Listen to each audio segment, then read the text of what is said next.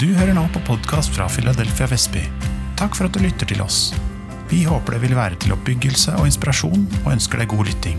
Finn flere taler ved å søke Philadelphia Vestby i din podkast-app. Tusen takk for en menighet. Jeg sitter og tenker jeg skulle ønske jeg bodde i Vestby. Men fordi det er så fint å se at dere er eh, fra forskjellige land. ikke sant? At det er liksom så mange som er representert her. Og det er skjønt å være en menighet med ulike nasjonaliteter, fordi at det er en veldig ressurs til menigheten. Og til liksom pastoren er fra Hviterussland av alle steder. Det er bare så bra. Så nei, Før jeg sier noe mer nå, så vil jeg bare be, for eh, det er en god ting. Så jeg takker deg, Herre og Far, for at eh, vi kan få lov til å komme i Jesu navn til deg. Og takke deg for at jeg får lov til å be om nåde til å tale slik jeg bør tale. Og jeg ber også om, for de som skal lytte, at de får nåde til å lytte slik som de bør. Og så ber jeg at din Hellige Ånd må være her og salve budskapet, sånn at det blir ånd og liv, og ikke bare ord og meninger. Men Herre, la det være ånd og liv, slik du sa at ditt ord er. I Jesu Kristi navn. Amen. Jeg er uh, utrolig glad for muligheten til å komme hit, og takk for invitasjonen. Uh, og jeg, uh, jeg tenkte liksom at jeg hadde først og fremst bare lyst til å å rette fokuset mot det profetiske i Bibelen, og bare si noe generelt om det. Eh, og det har jeg lyst til fordi det er ikke sånn uten videre at man, at man liksom tenker på det samme når vi snakker om det profetiske. Det fins et veldig godt åpningsord i andre Peters brev, i det første kapittelet.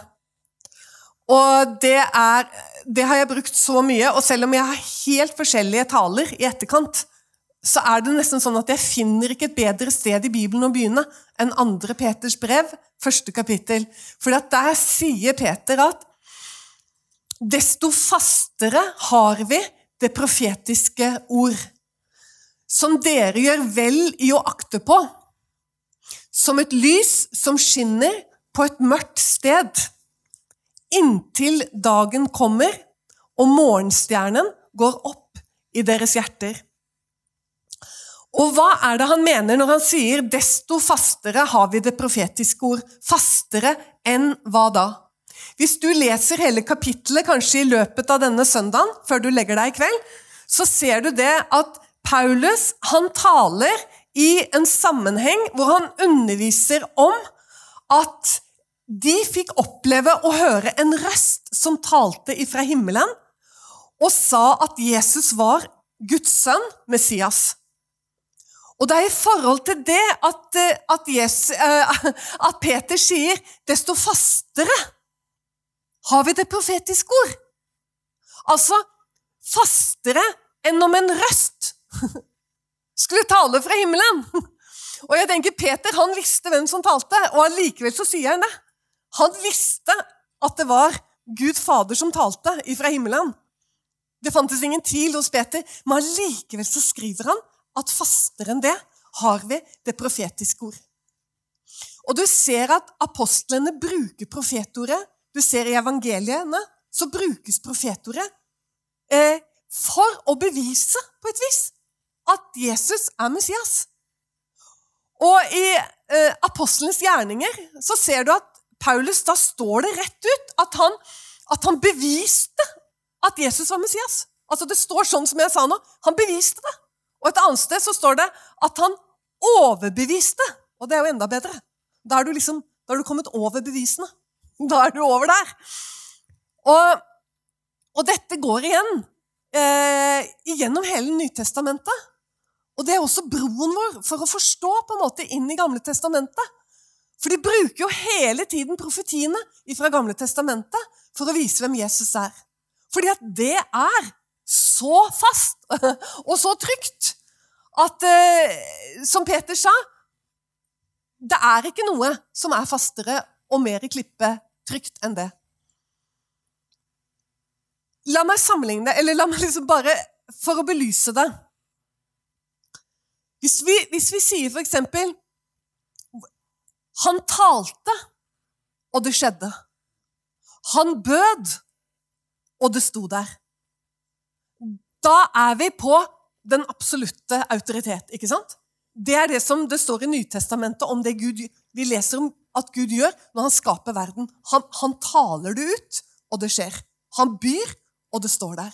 Og det samme er det med det profetiske ord. Selv om det, selv om det skulle gå 500 år før det skjer, så er det sånn at Gud våker over sitt ord, står det, for å fullbyrde det. Så den autoriteten er viktig at vi forstår. fordi at noen ganger når jeg snakker om det profetiske, så kan jo folk sitte for eksempel, og tenke på eh, sitte og tenke på ja, men liksom profetier, og, og, det er så mange på YouTube, og de profeterer, og de snakker om eh, røde måner, og, og Jesus kommer igjen innen oktober, og liksom Alt dette her, da. Uh, heldigvis så står det i Bibelen at alt må prøves. Tro ikke enhver ånd, men prøv åndene om de er av Gud. Men det som er innmari trist, er at du ser en del av disse eh, folka. da. Eh, så skjer jo ikke det de sa. Men så er de like fullt ute på YouTube neste år. Og da er det noe nytt de har sett, og da er det noe nytt de skal ha igjennom. Og det som er veldig problematisk med dette, er at det ødelegger for det profetordet faktisk er. Nemlig full autoritet.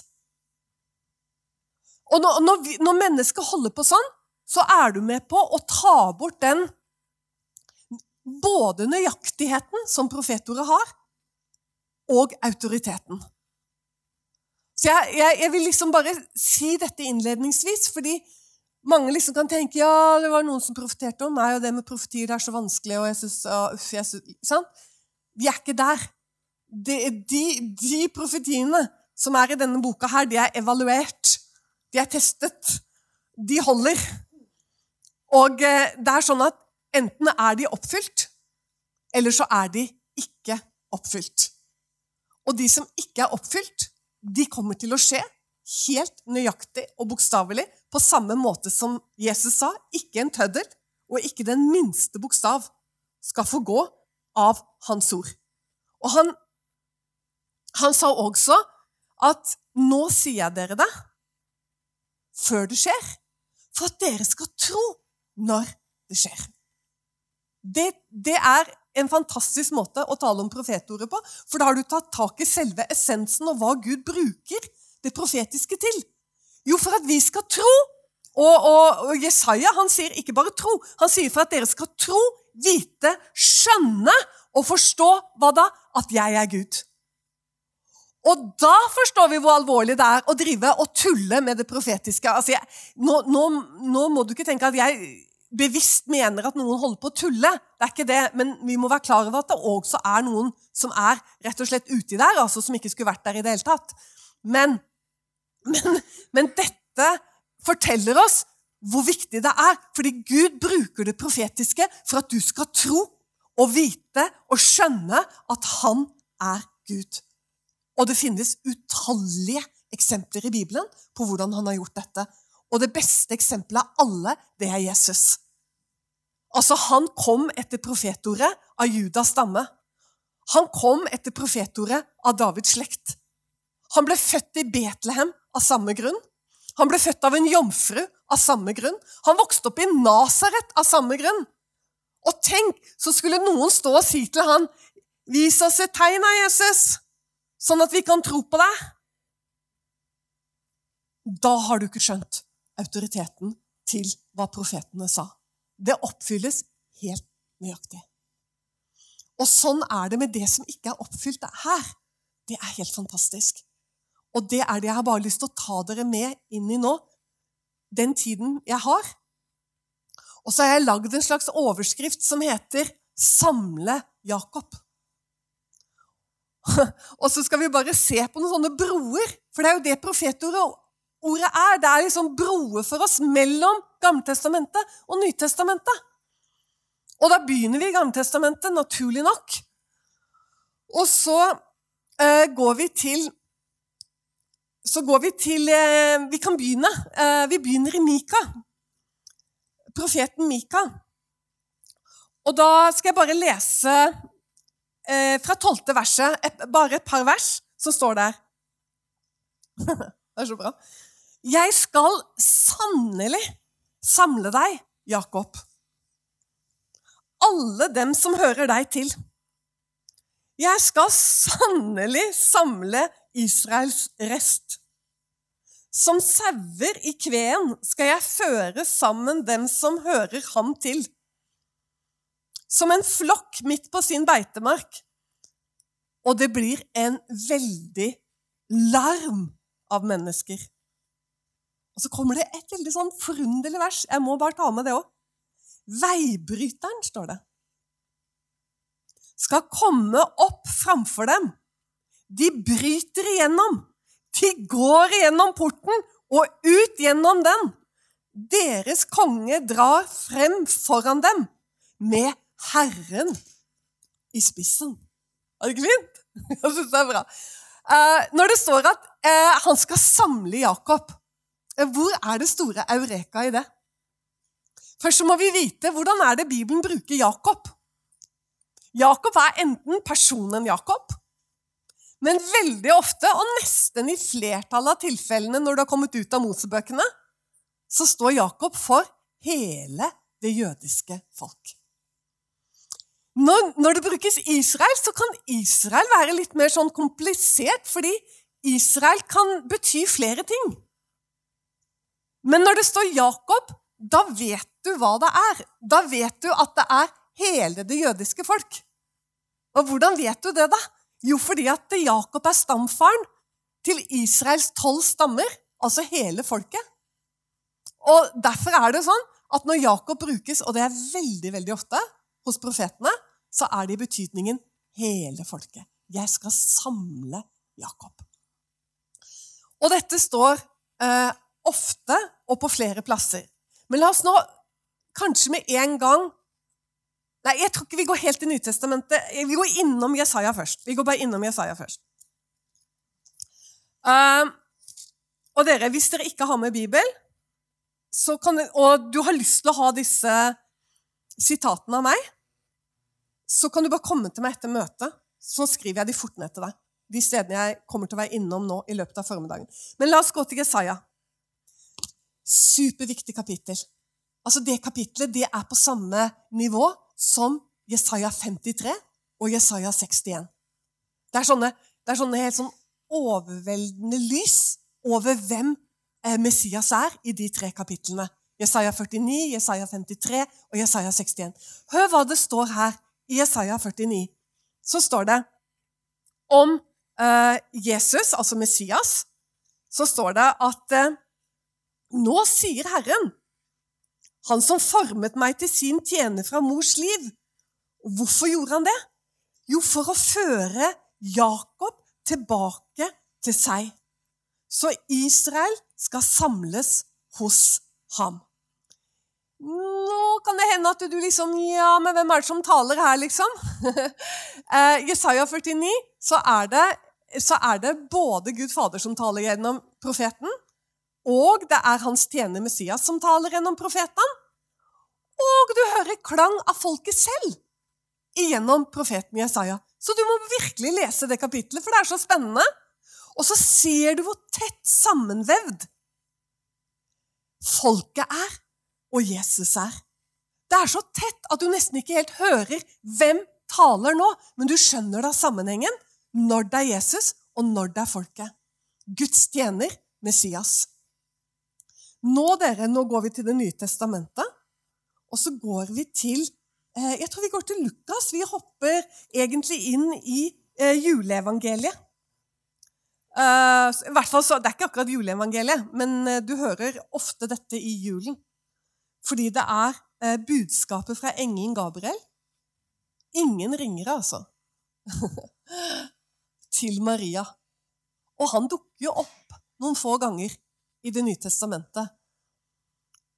Og Først så var han hos pappaen til Johannes døperen. Han åpenbarte seg for han inne i tempelet. Husker dere det? Og så trodde jo ikke Johannes på han, så han ble jo stum. Mm. Og nå er han i Nasaret og taler til Maria. Og så sier han Frykt ikke, Maria, for du har funnet nåde hos Gud. Og se, du skal bli med barn og føde en sønn, og du skal gi ham navnet Jesus. Han skal være stor, og han skal kalles den høyeste sønn, og Herren Gud skal gi ham hans far Davids trone. Og så kommer det. Og han skal herske over Jakobs hus for evig. Og hans rike skal ikke ha noen avslutning. Jippi! Det var jo fantastisk! Og her glemmer til og med Gabriel å snakke om oss! Altså, eh, vi vet jo at han skulle jo mer enn det. Han skulle ikke bare samle Jakob, skulle han det? Men, eh, men, men Gabriel han sier ikke et ord om oss. Fordi at det, er det som er det grunnleggende hos profetene gjennom hele Gamle testamentet, det er hovedoppgaven til Messias. Og det er å samle det jødiske folk. Dette er også grunnen til at eh, når, eh, når disiplene står på Oljeberget med den oppstandende Messias, like før han forsvinner fra øynene deres, ikke sant? så står de der, og, og, og, og da tror de at er det nå? Er det nå, Jesus, at du oppretter riket for Israel? Fordi at eh, de kjente sikkert profetiene fra Zakaria som forteller at når han kommer, så kommer han ikke til Tempelberget, og han kommer ikke til eh, London eller Oslo. Han kommer til Oljeberget. Han skal sette sine ben på Oljeberget, og derfra skal han gå fram. Så du kan tenke deg når disiplene står der på Oljeberget, og de står med den oppstandende som har åpenbart seg for dem, og som har forsvunnet, og som har kommet, og som forsvinner. Der står de, og nå lurer de. Er det nå du skal opprette riket for Israel? For dette Dette måtte jo skje! Eh, nå holder de liksom de begynner, de begynner å bli redd for å miste han, uten at det som er mest vesentlig Altså, skjønner du det grunnleggende til ham, da? Ja, men Jesus, riket for Israel Altså selve hovedbrikken i puslespillet er borte. Og, og, og, du kan ikke forsvinne fra oss før det. Altså, De forstår ikke profetene. De har forstått profetene så langt, men de har ikke forstått profetene ordentlig. Fordi hvis de hadde lest Jesaja godt nok, så hadde, de, så hadde de ikke vært så engstelige oppe på Oljeberget. Men antageligvis så hadde de ikke lest Jesaja godt nok. fordi hvis vi går tilbake nå til det samme kapitlet, i, eh, i, 40, i kapittel 49, så står det nemlig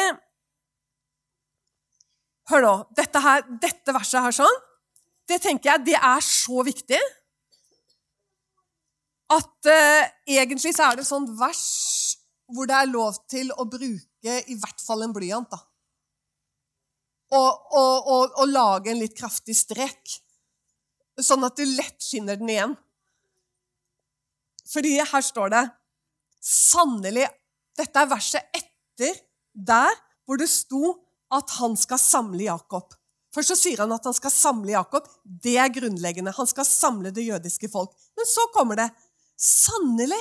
Han sier, 'Det er for lite at du er min tjener, til å reise opp igjen Jakobs stammer og føre tilbake dem som er bevart av Israel. Jeg skal også gjøre deg til et lys for hedningefolkene, så du skal være min frelse til jordens ender. Å, det er så bra! For da skjønner vi Simeon. Husker dere han som kom drevet av Den hellige ånd til tempelet når Jesus ble båret fram etter loven som liten baby? Så står det Det står i Lukas 2. Og da er det en mann som, som, som er drevet av ånden til å dra opp til tempelet. For han har fått vite han skal ikke dø før han ser Messias. Og så får han Jesusbarnet i armene, og så roper han ut at han er en pakt eller en herlighet for Israel. Og så sier han han er en pakt. Han er pakten. Han er herligheten for Israel. Og så sier han og et lys til åpenbaring for hedningene. Han bare taler Jesaja 49 og Jesaja 42 eh, bokstavelig kommer ut av, eh, kommer ut av Simeon. Så når vi vet dette, og når vi vet at Gabriel faktisk sier at han skal samle hele det jødiske folk, hva da? Har vi ikke nesten da allerede eh, tatt bare et spark borti erstatningsteologien som har hjemsøkt den kristne kirke gjennom 2000 år? For hvis det er sånn at han skal samle det jødiske folk, hvordan kan han da være ferdig med dem? Hvordan kan det da være sånn at jødene har ingen fortrinn framfor en hvilken som helst hedning av Norge, England, Frankrike, Kongo, Kenya? Hvis det er sånn. Paulus i Romerne 11 han, han bruker akkurat det samme. Når han konkluderer i Romerne 11 at, at Gud ikke er ferdig med det jødiske folk, så sier han det at eh, Brødre, hør på meg! Litt sånn. Nå skal jeg fortelle dere en hemmelighet. Først må hedningenes fylde komme inn, sier Paulus. Må du lese Romerne 11 før du legger deg i kveld òg. Nå har du litt å holde på med, sant? mens ennå er friskt. Han sier at han skal ha inn en fylde av alle hedningefolk. Altså hedningefolk, Det betyr alle nasjoner, alle folkeslag som ikke er jøder. Han skal ha inn en fylde av dem, sier Paulus. Og så sier han og så skal hele Israel bli frelst. Ja, men det kan jo bare bety alle jøder som ble frelst, og alle hedningene som kommer inn, og det er Israel. Nei. For i neste verset så kommer det som er så kult. For da sier han nemlig at forløseren, eller redningsmannen, kommer fra Sion. Hallo? Og så kommer det. Han skal bortrydde ugudelighet fra Jakob. Han skal ta bort ugudelighet fra det jødiske folk. Han skal igjen ta seg av dem. Og han sier at når han har fått inn fylden av folkeslagene, og det holder han på med nå Han holder på å få dem inn i dette oljetreet, og han sier at, at, at Gud gjør noe sånn fantastisk som himmelsk poding. Han driver og poder oss inn i dette utrolige treet. Og det er så nydelig, for skal du pode noe inn, så må du kappe av friske grener. Og på den måten så skaper du to sårflater, og da kan du pode oss inn i alle disse sårflatene etter det jødiske folk, som han kappet av. Så tenkte jeg bare helt utrolig, Gud. For en plan, for en vanvittig, risikabel og nesten fryktelig plan. Dette er noe av det første jeg må spørre tror jeg, min frelser om når jeg treffer han. For dette her syns jeg er så helt utrolig at han faktisk gjorde dette. Men når jeg leser litt lenger, så skjønner jeg Paulus han ser at fordi om de ble kappet av, så er de ikke klemt. Fordi Paulus sier de er elsket for fedrenes skyld så ros deg ikke mot grenene. Og du vet at du og jeg, Paul, vi som ikke er jøder, vi er ikke elsket for fedrenes skyld, altså. Tvert imot, vil jeg si. I hvert fall jeg. Jeg vet ikke åssen det er med deg. Jeg er i hvert fall ikke elska for uh, slektens skyld. Jeg vet nok om slekten til å kunne si det. Og heller, heller ikke mine egne gode gjerningers skyld. Men jeg er utelukkende elsket for Jesu Kristi skyld. Men Paulus skriver at de er elsket for fedrenes skyld. Ja, men har, har de så mye å skryte av, da? Nei, langt ifra. Jesus sier altså gjennom ordet, da altså Fra Gamle testamentet, femte Mosebok, så står det at, de er, at han utvalgte dem. Ikke fordi de var noe bedre eller noe større enn andre. Ikke fordi dere var noe større enn andre, utvalgte jeg dere. Men fordi dere er de minste av alle folk. Og det er liksom så typisk Gud. At han, at han tar det sårbare og det lille og det minste, og så velsigner han. Og så blir det så bra! Og så er det Gud som får all ære. Og jeg tenker, er det et gudsbevis på velsignelse, så må det jo være dette folket som Bibelen kaller for et særdeles hardnakka folk. At Gud han har ikke glemt den pakten han gjorde med Abraham. Ja, har han ikke det, da? Det er jo, til, det er jo en ny pakt.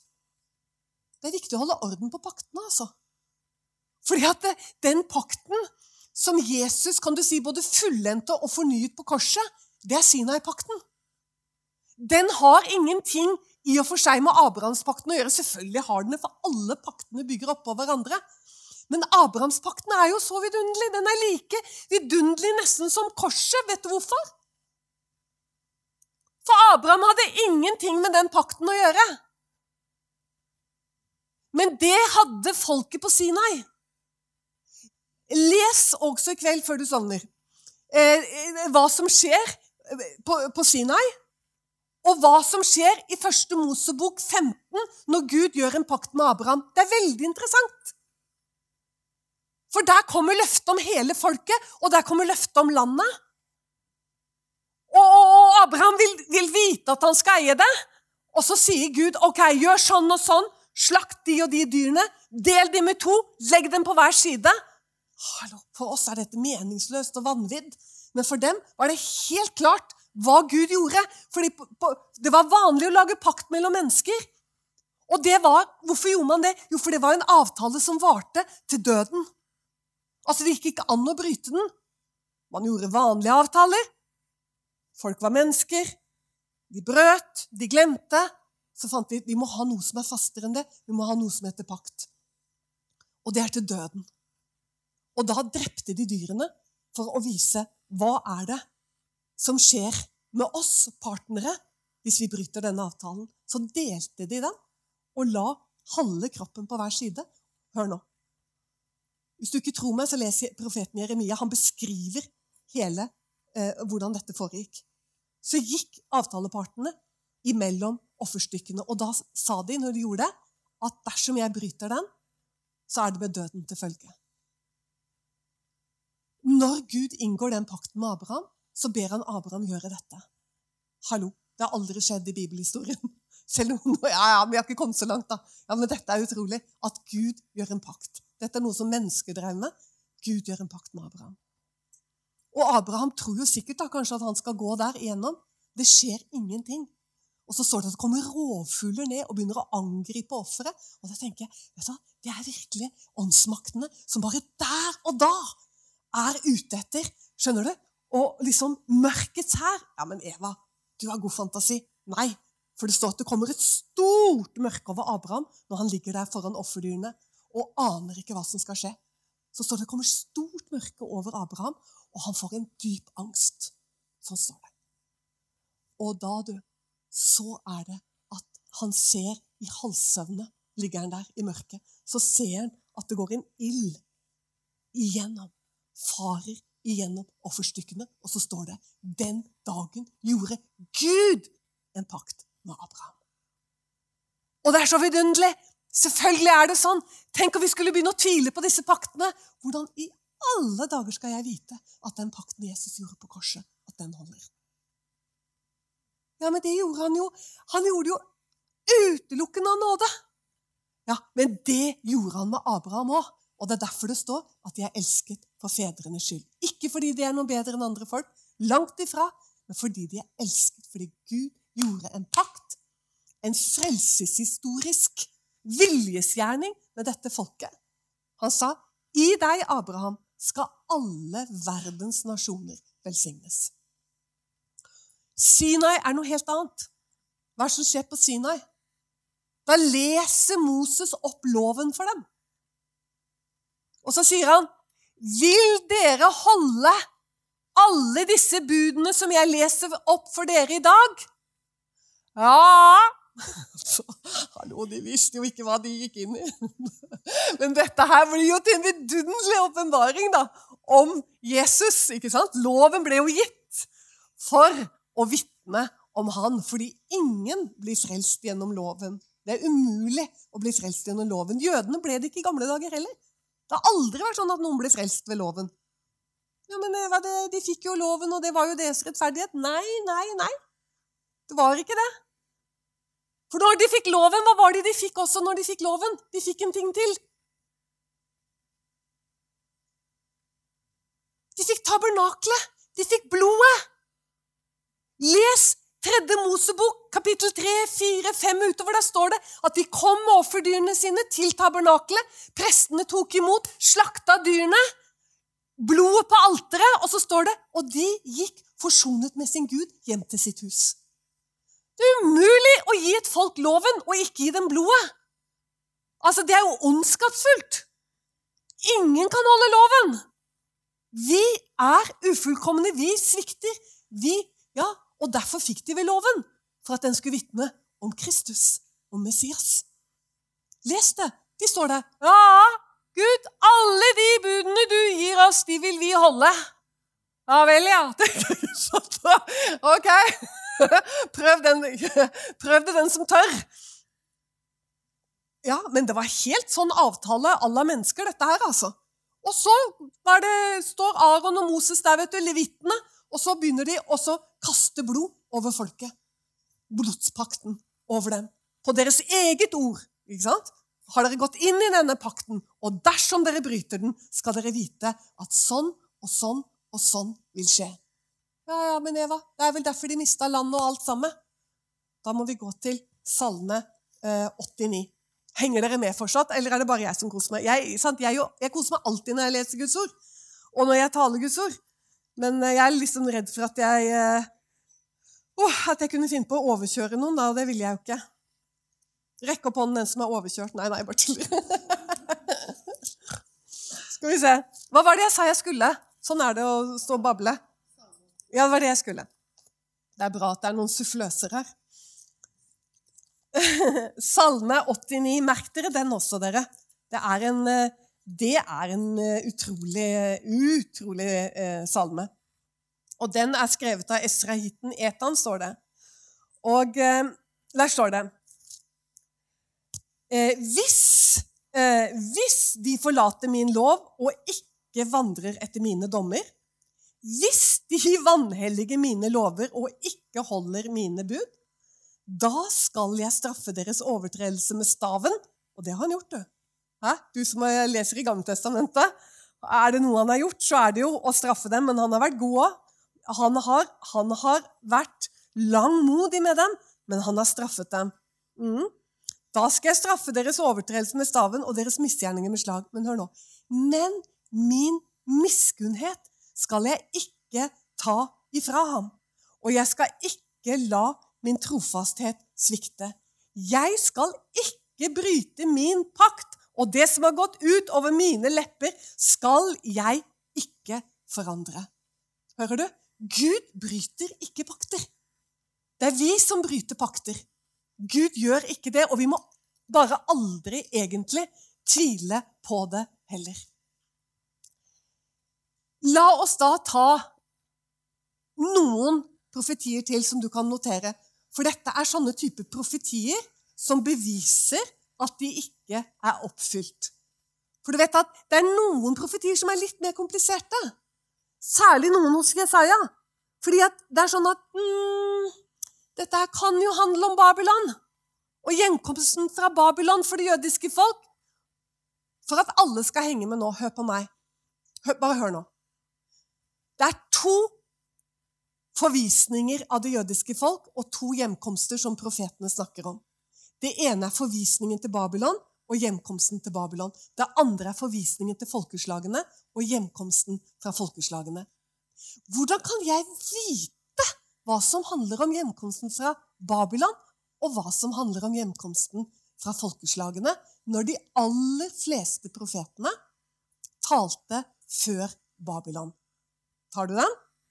Nå skal du få en nøkkel av meg. Og hovednøkkelen Det er flere nøkler, men hovednøkkelen er at hjemkomsten fra Babylon handlet om at bare et mindretall av dem kom hjem igjen. Hjemkomsten fra folkeslagene de lyder alltid på denne måten.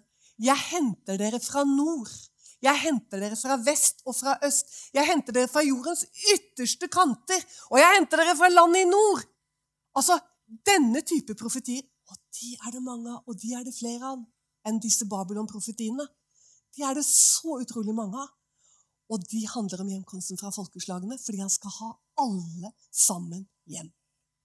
Nei, nå overdriver du. Jeg var alle sammen og alle sammen, fru Blom. Gå til Jesekel 39. Siste versen i Jesekel 39. Der står det at når jeg henter dere hjem fra folkeslagene Hør, da jeg, da lar jeg ingen av dere være igjen der ute. Er ganske kult.